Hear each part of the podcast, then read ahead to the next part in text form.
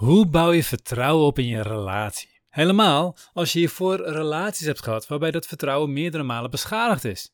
Als je met een narcistenrelatie hebt gehad, letterlijk de vraag van een luisteraar waarom ik ook deze aflevering gemaakt heb. Of als je met iemand een relatie had die steeds vreemd ging. Met andere woorden, in deze podcast eigenlijk de basisstappen hoe je weer vertrouwen kunt opbouwen in een relatie als je geen vertrouwen meer hebt. Hey hallo, Bas van Pelt hier. In deze podcast wil ik samen met jou kijken hoe je vrij kunt leven. Los van stress en oude patronen. Hoe je de mooiste versie van jezelf wordt en jouw ideale leven creëert. Hoe bouw je vertrouwen op in je relatie als je hiervoor alleen maar slechte relaties gehad hebt?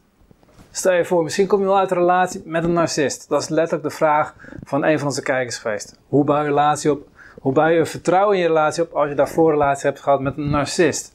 Of misschien heb je een relatie gehad met iemand die steeds vreemd ging. Je hebt een bepaalde basis meegekregen en vanuit daar probeer je aan een nieuwe, gezonde relatie op te bouwen. Nou, dat is lastig. Nu kan ik uit eigen ervaring zeggen. Ik heb voor mijn, mijn huidige partner, mijn, mijn vrouw, mijn, daarvoor mijn vriendin natuurlijk, heb ik voorgaande relaties gehad die, nou laten we zeggen, wat minder trouw waren. Een paar keer vreemd gegaan zijn. En dat heeft mij niet echt heel veel vertrouwen gegeven. Het probleem is, dat neem je mee in je volgende relatie. Je neemt je oude ervaringen mee. Je hebt patroon opgebouwd. Je hebt geleerd om op je hoede te zijn. En dat is het lastige. Hoe ga je dan weer vertrouwen opbouwen? Als jij continu aan het focussen bent op waar gaat het fout? Waar, waar heb ik bewijs dat deze ook slecht voor me is? We gaan er vandaag dieper op in. We hebben vier punten waar we op ingaan. Dan gaan ze één voor één langs. En laten we even beginnen met het eerste. We gaan het even hebben over jou. Wat is, kijk naar waar jij in een relatie staat. Wat heb jij nodig in een relatie? Wat is jouw behoefte in een relatie? Ik kan me voorstellen, als je uit zulke relaties komt, dat je op dit moment behoefte hebt aan bevestiging. Zekerheid. Je wil bewijs zien dat deze wel betrouwbaar is. En dat is het lastige. Je bent helemaal niet op zoek naar bewijs dat deze betrouwbaar is. Je bent op zoek naar bewijs dat deze onbetrouwbaar is. Dat deze niet te vertrouwen is.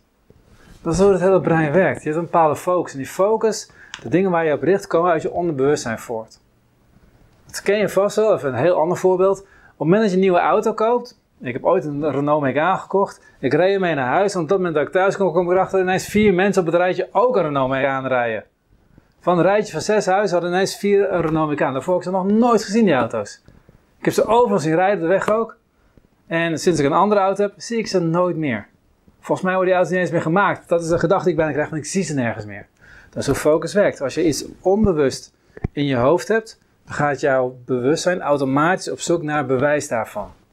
In de wetenschap noemen we dat een bias. Als je een bepaald idee hebt, ga je bewijs zoeken wat jouw idee ondersteunt. Dus op het moment dat jij geen vertrouwen voelt, op het moment dat jij behoefte hebt aan bevestiging, op het moment dat jij ja, behoefte hebt aan, aan, aan zekerheid, aan bewijs dat, dat die betrouwbaar is, dan is je onderbewustzijn eigenlijk continu op zoek naar het andere. En het probleem is, zoekt en gij zult vinden, in de Bijbel staat het zelfs, het is waar. Dat is waar je focus op is. Dus dat is wat je gaat zien. Als hij 20 dingen doet, 19 dingen zijn allemaal het bewijs dat hij echt volledig voor je gaat. Of dat zij echt volledig voor je gaat. En dat ene laatste dingetje is iets waar je twijfel over kan hebben. Dat hij s'avonds nog een paar appjes krijgt, kijkt en dat hij het snel weer weglegt. En zegt, well, dat is niks, dat is van mijn werk. En misschien is het ook al zo. Alleen op dat moment zie jij dat als iets heel anders. Jij ziet die 19 dingen niet meer. Je ziet het één ding. Het één ding wordt heel groot. Want dat is net zoals die Renault Megane. Al die andere auto's zag ik niet rijden. Die Renault Megane zag ik overal rijden. En nu zie ik overal Opel uh, uh, rijden. Want ik, heb, ja, ik rijd nu een Opel. Dus nu zie ik die overal rijden. En zie ik nergens meer Renault rijden. Hoe bizar is dat? Dus op jij daar focus bent, is dat hetgene wat je ziet. En dat is hetgene wat je binnenkomt. Dat is hetgene waar je over na gaat denken. Zoek en ga je tot vinden. Wat is jouw behoefte in jouw relatie? Waar, wat heb jij nodig? En ga dan eerst bij jezelf kijken. Als je bevestiging van hem nodig hebt, dan heb je helemaal niet nodig. Je hebt bevestiging in jezelf nodig. Je hebt bij jezelf nodig dat je hart weer gaat openzetten. Dat je weer ruimte gaat geven om toe te staan dat die liefde binnenkomt. Laten we helder zijn. Je hebt niks van een ander nodig. Je hebt alleen maar dingen van jezelf nodig. Die ander kan jou spiegelen. Als je allemaal nare dingen ziet bij die ander, kan zijn ander heel naar is, maar het kan ook heel goed zijn dat je gewoon nog geen ruimte hebt voor de positieve dingen in jezelf. En daarom die dingen wel laat binnenkomen, maar de positieve dingen niet laat binnenkomen. Dus dat is het eerste stukje. Naar jezelf kijken. Welke focus heb ik? Welke behoeften heb ik? En welke onzekerheden heb ik? En ga die maar voelen.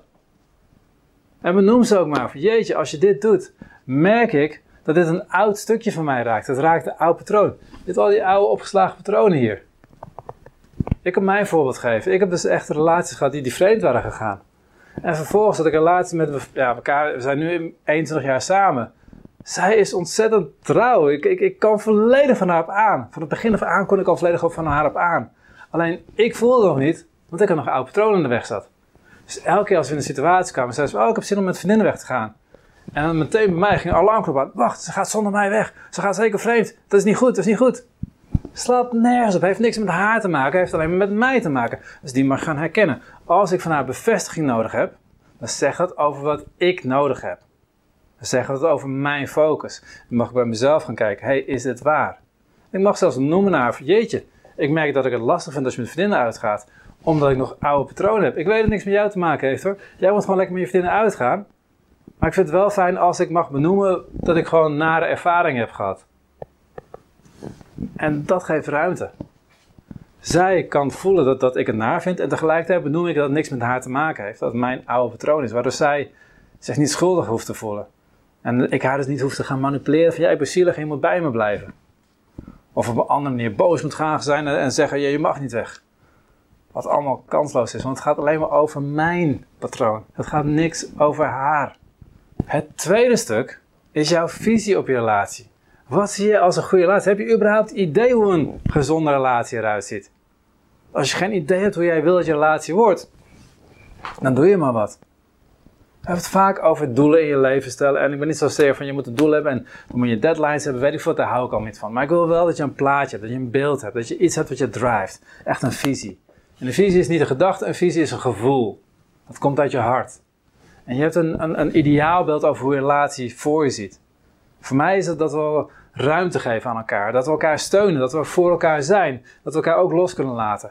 Dat we elkaar stimuleren, enthousiasmeren, dat we elkaar, uh, van elkaar houden, het mooiste van elkaar in elkaar zien. En tegelijkertijd ook weer, inderdaad, ja, wat ik zei, die ruimte geven. Ook weer helemaal los kunnen laten. Dat zij ook gewoon lekker al haar dingen kunnen doen en ik al mijn dingen kan doen. Dat we volledige vrijheid hebben in volledige verbondenheid. Ik heb daar een gevoel bij. Ik heb daar ideeën bij over, oké, dat betekent dat we dus aandacht aan elkaar geven. Dat betekent dus dat we echt letterlijk met elkaar praten. Dat is niet alleen maar na het eten, terwijl tijdens het eten op de telefoon zitten kijken, volgens op de bank gaan zitten, samen een filmpje kijken en dan nou maar samen naar bed gaan. Nee, dat we praten met elkaar. Dat soms de avond gewoon de tv uitlaten. Dat we bewust af en toe een oppas regelen, zodat we uit eten kunnen. Want ja, als je uit eten bent, dan ga je automatisch met elkaar praten, want er is verder niks. Tenzij je op je telefoon gaat kijken, maar dan ben je echt niet goed bezig. Echt contact met elkaar. Maar ook dat we gesprekken hebben, niet alleen maar over van jeetje, heb je dat gezien op tv? Nee, dat we gesprek hebben over, over onze eigen ontwikkeling, over waar we tegenaan lopen. Dat we open zijn naar elkaar, dat we eerlijk zijn naar elkaar. Dat durf te benoemen van hé, hey, ik heb het idee dat hoe jij reageert, dat, dat dat een patroon is voor jou. Of dat ik gewoon zeg, ja sorry dat ik zo gereageerd heb gisteren, het spijt me heel erg. Ik merk nu dat ik in een oude patroon zat. Ja, toen had ik het niet door, maar nu merk ik dat ik in een oude patroon zat. Het spijt me dat ik zo gereageerd en ik wil graag voor op een andere manier reageren. Kan je me helpen om bijvoorbeeld met de codewoord zeggen van dat ik, om me te helpen erin dat ik in een oude patroon zit, zodat ik daar meteen aan de gang mee kan op dat moment. Dat is een idee, dat is dus een visie wat ik heb over onze relatie. Ik heb een idee, een, een, een gevoel, een, een visie over wat een ideale relatie is voor mij. Hoeveel tijd je met elkaar doorbrengt, wat voor kwaliteit die tijd heeft.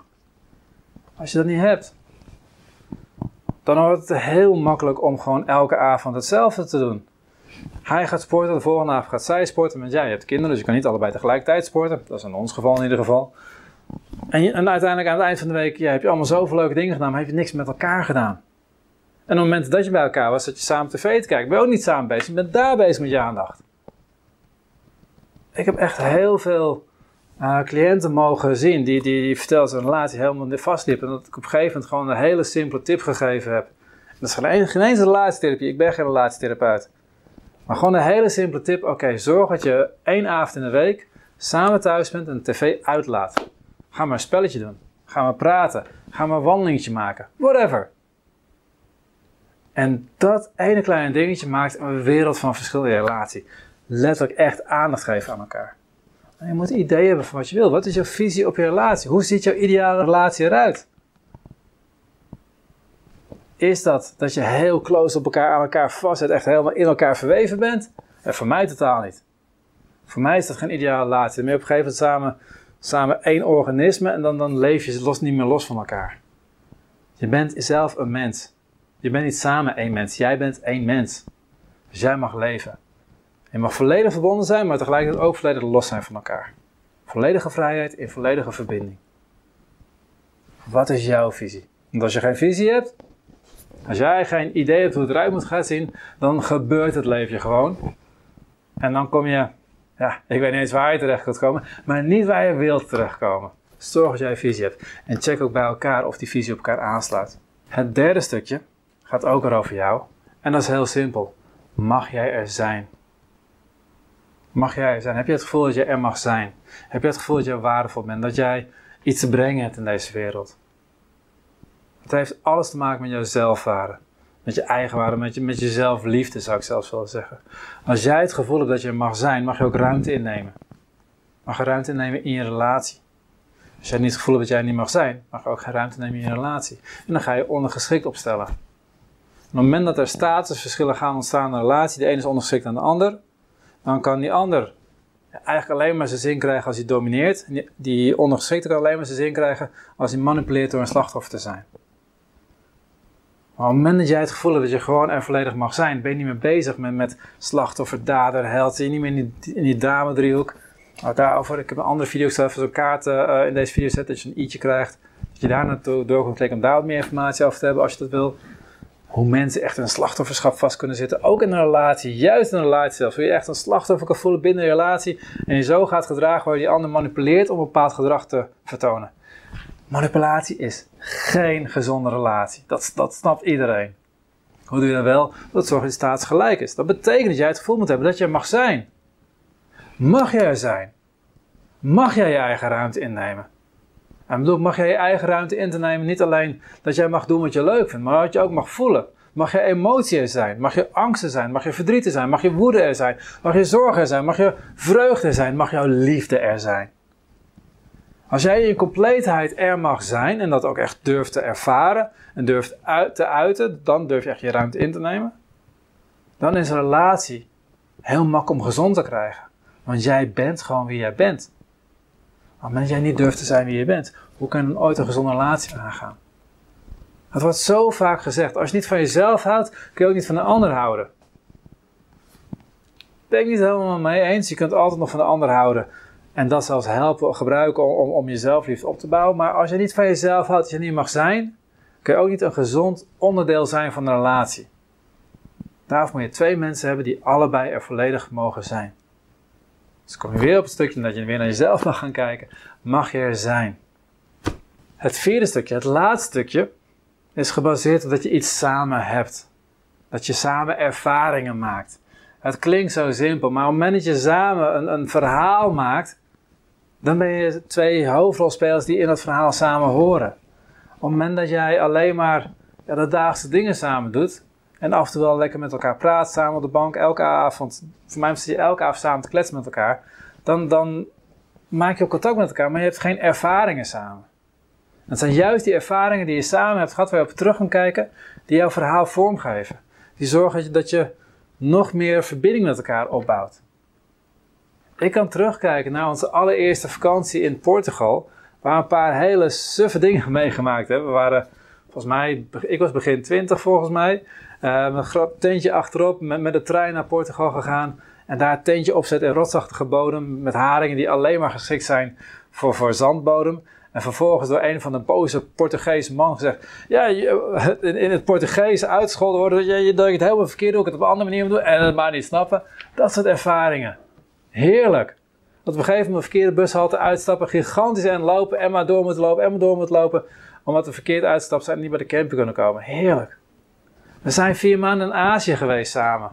Geweldig. We hebben daar ervaring gehad waar we nu nog steeds om kunnen lachen. Ik, ik, ik, heb een verhaal aan mijn kinderen verteld. Ik op een gegeven moment was ik, dit echt, echt, sorry, ik moet even tussendoor, maar mijn kinderen vinden, het geweldig. Die, die beginnen nog steeds regelmatig over. Was ik bij een restaurantje ergens in uh, Indonesië, of Flores was dat. En oh man, na vier maanden had ik wel eens een keer zin in gewoon in patat met satésaus. En ze hadden daar de optie op het menu stond French fries. En ze hadden ook gado gado. Gado gado is, is, een, is een heerlijk Indonesisch gerecht met satésaus erop. Dus ik zeg van, hey, hebben jullie gado? Ja. Hebben jullie French fries? Ja. Mag ik French fries met satésaus? Nou, dat hebben we niet. Oké, maar je hebt gado? Ja. Je hebben satésaus? Ja. Dus jullie hebben satésaus? Ja. En je hebt French fries? Jullie hebben patat? Ja. Dus je hebt patat en je hebt satésaus? Ja. Mag ik dan patat met satésaus? Dat hebben we niet. Echt vreselijk. Oh, als ik het nou tril. Ik denk, mindblowing. Ik denk, waarom niet? Misschien was het gewoon een stukje, stukje uh, culinaire trots. Dat ik denk van, nee, dat serveren we niet. Ik weet het niet, maar het kon niet.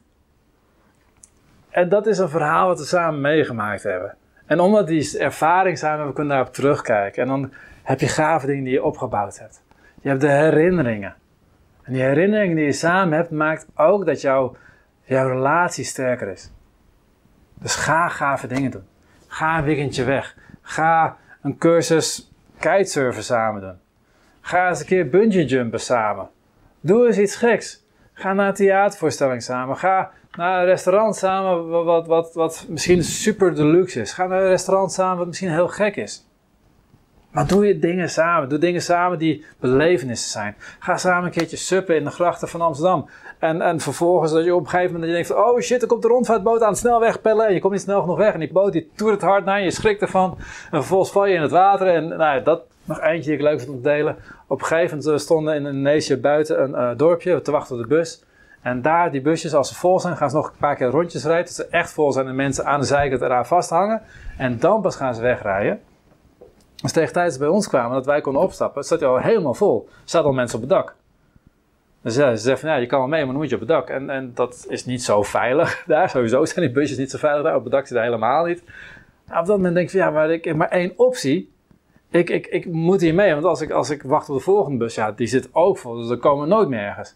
Dus ik zeg meteen, ja, kom op, ik pak elkaar een tas. Ik zet meteen de tas erop. En, en voordat we door hebben, zit op die bus. We rijden langs afgronden waar je gewoon ziet dat, dat er meerdere auto's naar beneden zijn geknald omdat al die bomen omgeknakt zijn. Uh, af en toe moet je bukken omdat er een tak uh, onder tak door uh. En, en anders krijg je echt een harde knal in je gezicht. Bijzondere ervaring, maar het is ervaring die we samen gehad hebben. En daar kunnen we samen naartoe terugkijken. En dan kunnen we samen, als we op een gegeven moment ergens lopen, we kunnen nog even terugkijken naar het moment en lachen samen. En denken van jeetje, wat hebben we toch dingen samen ervaren. En dat maakt dat wij meer relatie hebben. Vier dingen. Eerst was, wat heb je nodig in een relatie? Wat is jouw behoefte? Waar focus je op? Ben je op zoek naar bevestiging? Dan ben je helemaal niet op zoek naar bevestiging. Dan ben je onbewust op zoek naar bewijs dat hij ontrouw is aan je. En dan ga je dat ook vinden. Want waar je op focust, dat is wat gaat groeien. Dus dat is niet de goede manier. Ga naar jezelf kijken. Wat zijn jouw patronen? Wat houdt jou tegen? Wat heb jij nodig? Wat heb jij nodig om meer jezelf te kunnen zijn? Tweede stukje, wat is jouw visie op een gezonde relatie? Heb jij een idee hoe je relatie eruit wil zien? Als je geen idee hebt, dan ga je daar ook niet komen. Maar als je een idee hebt wat je ideale relatie is, dan kun je eraan werken. Dan kun je je energie erin steken. En het gaaf is, als jij dat plaatje in je hoofd houdt, dan ga je automatisch naar naartoe werken. Dat is hoe het werkt. Als jij hier continu het plaatje hebt, dan ontstaat hier vandaan een drijf die jouw gedrag automatisch die kant op stuurt. Zo mooi werkt dat. Een derde stukje, um, mag jij zijn, mag jij je ruimte innemen. Pas als jij gezond in jezelf kunt zijn, als jij er mag zijn, als jij je ruimte mag innemen, je ruimte mag creëren, mag zijn wie je bent, inclusief alles wat je voelt, inclusief alles wat je ervaart. Als jij dat van jezelf mag, dan pas kun je gezond onderdeel van een relatie zijn. Dus je hoeft niet eerst aan jezelf te werken voordat je aan een relatie begint. Je mag dat tegelijkertijd doen. Maar besef wel dat zolang jij er niet mag zijn, dat je relatie ook nooit maximaal optimaal zal zijn. het laatste stukje, ga herinneringen samen maken. Ga ervaringen beleven. Dus ik wens je voor het komende weekend ontzettend gave ervaringen samen. En of er nou hele negatieve ervaringen zijn, dat je echt denkt van, oh vreselijk dat we ooit hier terecht zijn gekomen zijn. Als je er achteraf maar samen om kunt lachen. Dat is waar het om gaat. Dit was de podcast voor deze week. Ik ben heel benieuwd wat je van deze podcast vond. Geef in je app even een duimpje omhoog en laat een review achter. En als je een Android-telefoon hebt, dan hebben de meeste apps geen review mogelijkheid. Ga dan naar de link in de beschrijving bij de podcast en laat daar een review achter. Ik vind het super als je dat doet, want je helpt ons enorm op die manier om meer mensen te bereiken. Tot de volgende keer en op jouw vrije leven.